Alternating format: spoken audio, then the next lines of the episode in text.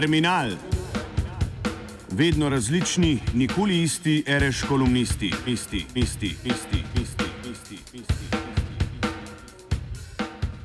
V Skotovem romanu Ivanhu, ki se je zdaj Umberto Eko hvaležna zakladnica primerov za ilustracijo funkcijsko različnih branj literarnega teksta. Če pišete traktat za marksistično revijo, boste govorili o razrednem nasprotju med Sas in Normani. Če pripravljate scenarij za holivudski spektakel, pa bo pozornost veljala medsebojno prepletenim zgodbom naslovnega lika Rebeke, Rowene, Cedrika, kralja Richarda in drugih, se pojavi emblematično geslo Sveti Juri za preširno Anglijo. Ker je bil avtor znamenite pripovedi Škot, ne samo po priimku in poreklu, temveč tudi po crkveni pripadnosti, je bila tolikšna naklonjena sosednji deželi v romantičnem času, ki je odkril očaranost z domovinsko zgodovino, precej nenavadna. Toliko in toliko let pozneje je za marsikoga celo čudna. Anglija in Škotska, ki sta ob selitvi Stuartovcev na dvor svetega Jakoba osnovali unijo svojih kron, malo pred njihovim slovesom, od njega pa sta oblikovali enoten parlament Velike Britanije, se dan danes v marsičem razhajata, ne le v mnenjih in podobi denarja, kar ni nič novega, temveč tudi že v dejanjih. Če pogledamo z druge angliške strani, je današnje stanje prav tako čudno. Winston Churchill, ki je na petfuntnem angliškem bankovcu ekvivalent Skotu na škotskem, je bil velik občudovalec sosedov on stran reke Tweed. To je poudaril tudi v svojem brščas najbolj lokalpatriotično obarvanem govoru, v tistem, ki ga je imel 24. aprila 1933 na vrhuncu svojih politično samotnih let pred člani kraljeve družbe svetega Jurija v Londonu.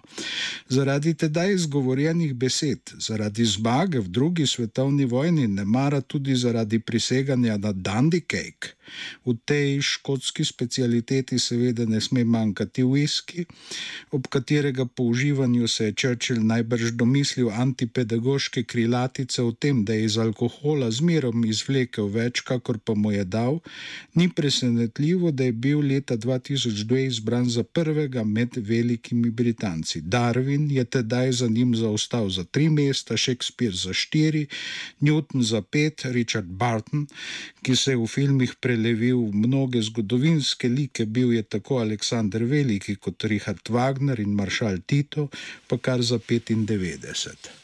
Churchill je v svojem londonskem nastopu aprila 1933 značilno najprej spregovoril o svojem pozitivnem odnosu do škotov in o prijateljstvu do enega valižana, mislil je na svojega nekdanjega liberalnega premijskega šefa Davida Lloyda Georgea.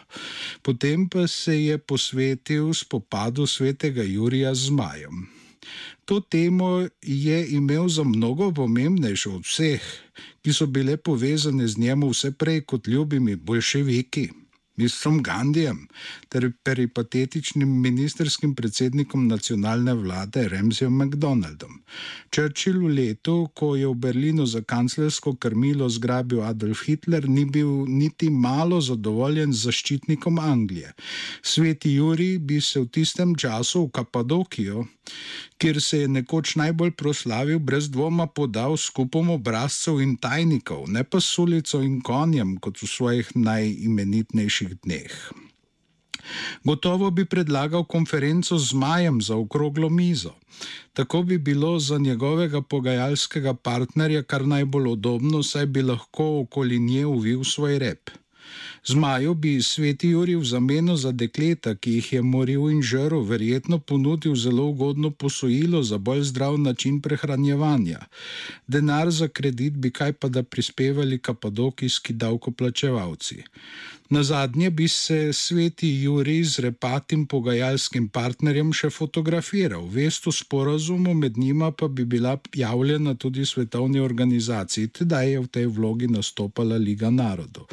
Churchill je potem, ko je svojo pripovedjo pri poslušalcih sprožil salve smeha in si tako začasno pridobil njihovo naklonjenost, prišel k bistvu stvari, ki so ga žulile. Anglijo je resno upozoril, da vodi pot, ki jo ubira z nenehnimi pogajanji in lastnim neukrepanjem samo v propad. Napovedal ji je, da bo na ta način hitro zdrknila na raven petorazredne sile in ostala omejena na prenaseljeno matično področje. Sedanji premijer londonske vlade Boris Johnson ki je napisal ne posebej prodorno knjigo o Churchillu, je gotovo lahko navdušen nad precejšnjim delom govora o svetem Juriju iz aprila 1933. Anglije, kot je bilo poudarjeno že tedaj, ne bo rešilo nič zunaj nje. Tudi o tem, da je ta dežela kot vsaka druga za lastno blaginjo premalo, kar je Churchill tudi jasno povedal, sedanji prvi minister v Londonu noče vedeti. Ko je Edward Hit obnemoglo Veliko Britanijo leta 1973 popeljal v Evropsko unijo in ji odprl pot do vsestranske regeneracije, je dejansko deloval skladno z duhom svojega velikega predhodnika, ki je zmagal v dramatičnem dvoboju s Hitlerjem. Po propadu imperija, ki je bil orjaška gospodarska cona, je imela Britanija na voljo samo še vključitev v evropsko povezavo, če je hotela ostati kolikor toliko velika, the land of hope and glory, in preživeti kot država blaginje, ki je s pričo lastnih omejitev lahko bogata predvsem od kolikor mogoče neoviranega trgovanja. Nemare je Churchill, ki se je septembra 1946 v govoru na Ciriški univerzi zauzel za združitev 300 ali 400 milijonov prebivalcev držav stare celine, celo že slutil takšno situacijo. Res je tedaj še oznanjal, da je britanska skupnost narodov pomembna in vzajemno delujoča cona, tudi kmalo se je izkazalo, da temu ni tako. Imperialna metropola je bila za marsikatero bivšo kolonijo preprosto predaleč, da bi lahko bila njeno osrednje tržišče. In pri tem ni nič spremenilo, niti še vedno močan politično-kulturni vpliv uradnega Londona. Nobeno privilegiranje ni moglo zaustaviti dejanskega razkroja britanskega imperija in njegovih senc. In nobeno neprivilegiranje znotraj Evropske unije ni postalo za uradni London manj pomembno od usmeritve k drugim conam prostega poslovanja. Dan danes, ko se z otoka zaradi napovedanega brexita dnevno izseli najmanj 100 davčno nezanemarljivih družb, je to očitneje kot kdajkoli prej. Na neki način je tudi Boris Johnson pokazal, da ve, kakšno je dejansko stanje, saj je poskušal poslati parlament, ki ima v Veliki Britaniji večjo moč kot kje drugje na počitnice. Začasnemu ustavnemu diktatorju se tako ne bi bilo treba ukvarjati z množico neprijetnih vprašanj in procedurami, kolikor mogoče nedemagoške otoške demokracije, ki je bolj kot iz česar koli drugega zrasla iz praktičnih problemov optimalnega obdavčevanja. Referendumsko voljo ljudstva bi potem lahko izpolnjeval na povsem samo svoj način. Churchill na kaj takega, kljub odločnosti v soočenju z mnogimi občimi in osebnimi zmaji, ni niti pomislil. Po njegovem je sposoben politik predvsem voditelj ljudi in odločevalec, ne zapovedovalec ali izvrševalec ukazov. Če tudi ti prihajajo od še tako velikih, a zmerom mnenjsko nestanovitnih množic. Za nas te zadeve Za nas so te zadeve pomembne tako neposredno, kakor po ovinkih. Evropa bo brez Velike Britanije in njene demokracije drugačna, manjša vseh pogledih in pomenih. Čeprav je to nekaterim v fobije potopljenim dušam všeč, zlasti statistom, ki so paradigmo razrednega boja pred nedavnim zamenjali s koncepcijo zgodovinskega sovražnika, to za nikogar ne bo dobro. Krčenje con neuviranja pomeni rast območij omejevanj, vsakršnih.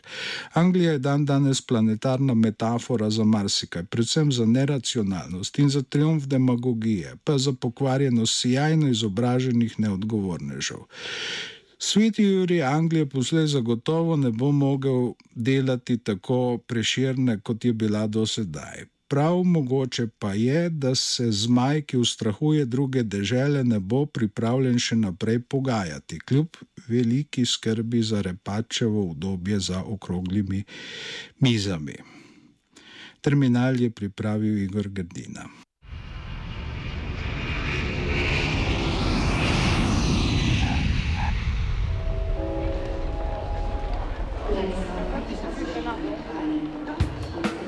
Terminal. Vedno različni, nikoli isti, reš kolumnisti, isti, isti, isti, isti. isti.